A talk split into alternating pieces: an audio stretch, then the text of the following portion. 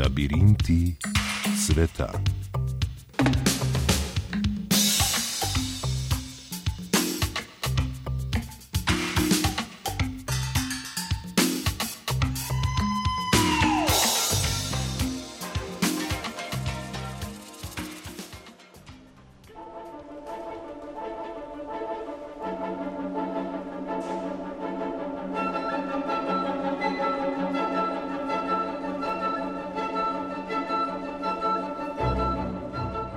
Zgodilo se je tisto najhujše.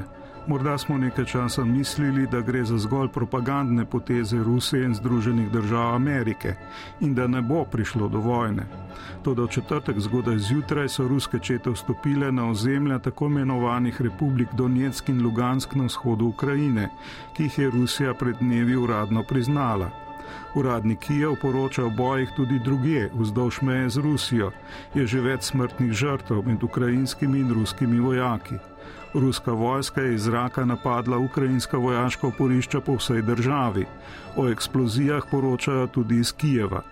Očitno ruska vojska poskuša zasesti celotno Ukrajino. Civilisti na območju spopadov so v hudi stiski. Zakaj je prišlo do te tragedije, do tega nesmiselnega ruskega napada?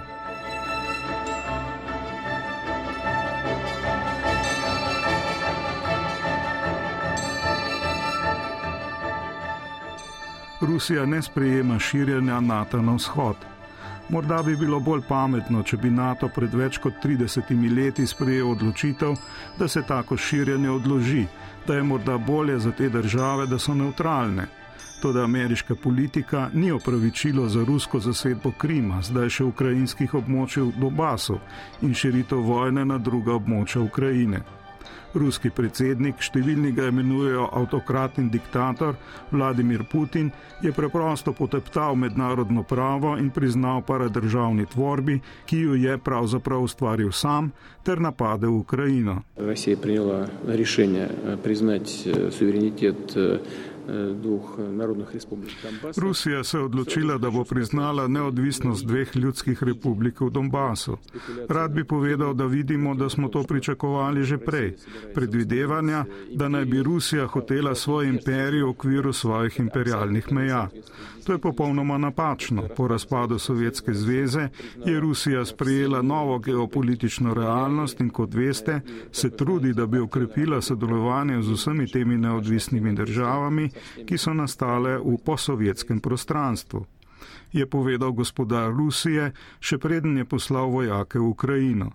Res so bili odnosi ukrajinsko in rusko govorečih v Ukrajini v zadnjih letih napeti da kijevske oblasti še pred uporom niso dobro ravnale z rusko manjšino. Toda Putinova propaganda o ukrajinskem genocidu nad Rusi je laž. Rusko ravnanje so ostro obsodili na Zahodu, že pred vojaško akcijo. Diplomacija je, vsaj javno, zdaj obmoknila. Ukrajina je v šoku, saj ruske sile hitro napredujejo proti Kijevu.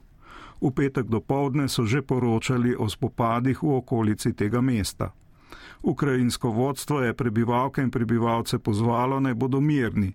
Predsednik Volodimir Zelenski pa je takoj po napadu povedal.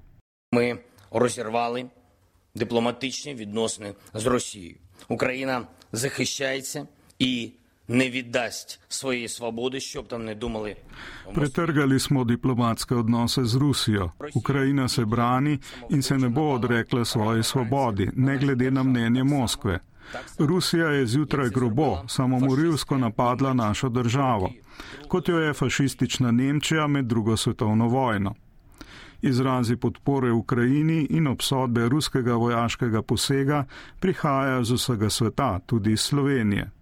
Last week I agreed to meet Russian Foreign Minister Sergei Lavrov this week on February 24th to discuss our country's respective concerns about European security. Prejšnji teden sem se strinjal, da se ta teden sestanem z ruskim zunanjim ministrom Sergejem Lavrovom. 24. februara bi razpravljala o pogledih najnih držav na evropsko varnost. To da samo, če Rusija ne bi napadla Ukrajine. Zdaj pa vidimo, da se je ta napad začel in Rusija je pokazala popolno zavračanje diplomacije. Zato nima smisla, da bi ta čas prišlo do tega srečanja. O tem sem se posvetoval z našimi zavezniki in partnerji in vsi so se strinjali z mano. Zato sem o tem pisal pismo zunanemu ministru Lavrovu.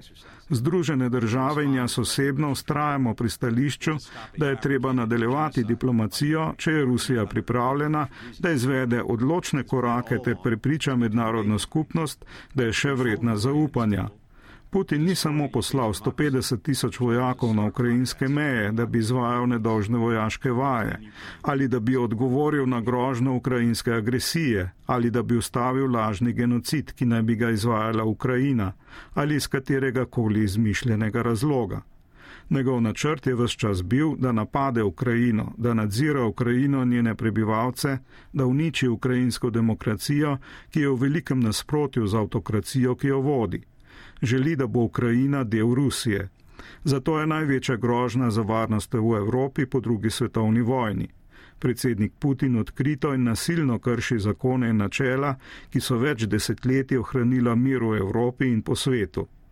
Je bil do dejanj predsednika Putina oster ameriški zunani minister Antony Blinken.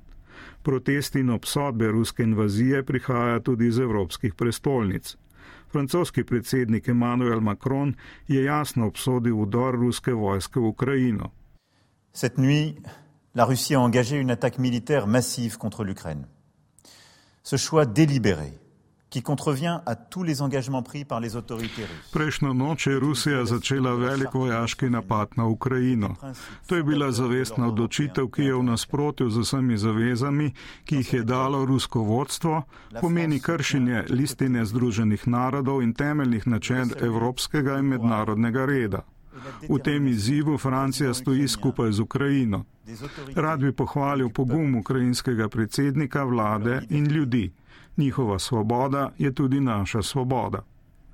Predsednik britanske vlade Boris Johnson pa je povedal, da uvaja sankcije proti Rusiji, Putina pa je neposredno označil za diktatorja. We will immediately institute package of economic sanctions, which I think as people would expect, targeted not just at entities in Takoj bomo uvedli svežen gospodarskih sankcij, kar ljudje pričakujejo. Ne govorim samo o entitetah v Donbasu in Donetsku, ampak proti vsej Rusiji. Ciljali bomo na ruske gospodarske interese z največjo možno močjo.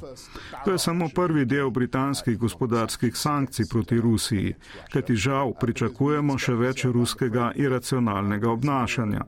Nažalost so se uresničila britanska pesimistična predvidevanja o tej krizi.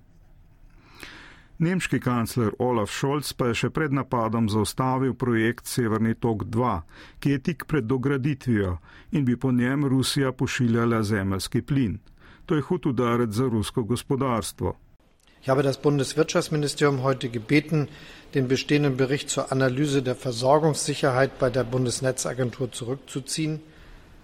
Nemško ministrstvo za gospodarstvo sem danes prosil, naj umakne poročilo o analizi jamstev dobaviteljev energije za Bundesnetz agentur. Sliši se tehnično, to da to je procedura, brez nje pa plinovod ne bo dobil certifikata za obratovanje in tako Severni tok 2 ne bo mogel obratovati.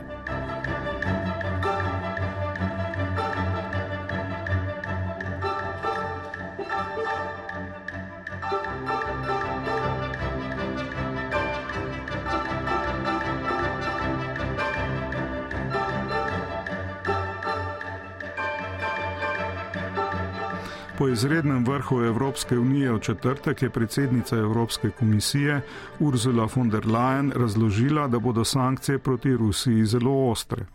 The package of massive and targeted sanctions European leaders approved tonight clearly demonstrates that.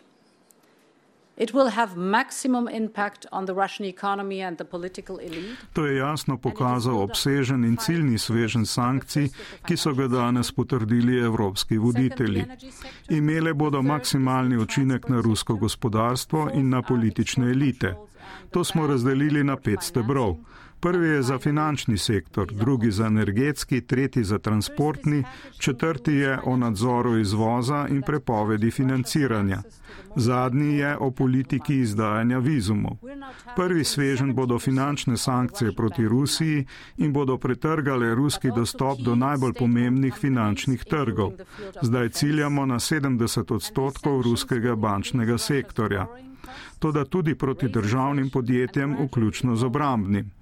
To bo povečalo ruske stroške za posojila, zvišalo inflacijo in spodjedlo ruske industrijske temelje.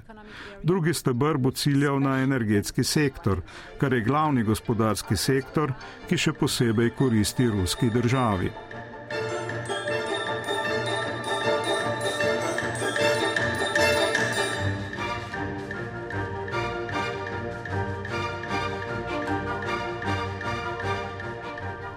Vsaka vojna je huda, ruski napad na Ukrajino pa še posebej, saj gre za dva sorodna slovanska naroda po krvi, jeziku, kulturi.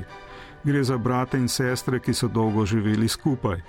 Tudi zato so bili v Rusiji protesti proti vojni. Putinova policija jih je nasilno zatrla. Ugledne ruske javne osebnosti pa so napisale peticijo za konec vojne.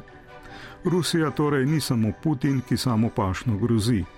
Vse skupaj je žalostno in najhuje seveda za civiliste, kot je naprimer kijevčan Juri Žihanov. Approximately in 4 or 4:15, uh, my mother is screaming, "Wake up, wake up!" I am waking. Približno ob 4, 4:15 je moja mama upila, naj se zbudim. Zbudil sem se v soprahu, spode so tulili avtomobilski alarmi. Ne vem, če je šlo za obstreljevanje, morda za raketo. Bila je panika zaradi dima in požara. Vzeli smo nekaj reči in pobegnili iz stavbe. Sosede Ukrajine se že pripravljajo na val beguncev.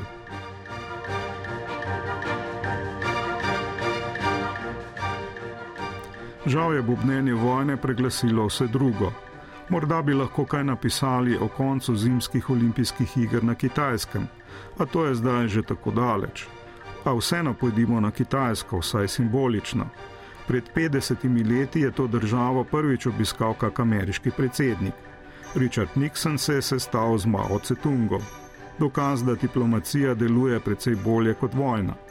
Tudi zato v tej oddaji poslušate odlomke iz opere Johna Adamsa Nixon na kitajskem in sicer predsednikove plese v izvedbi orkestra Slovenske filharmonije. Upajmo, da se bo ples vojne v Ukrajini kmalo končal.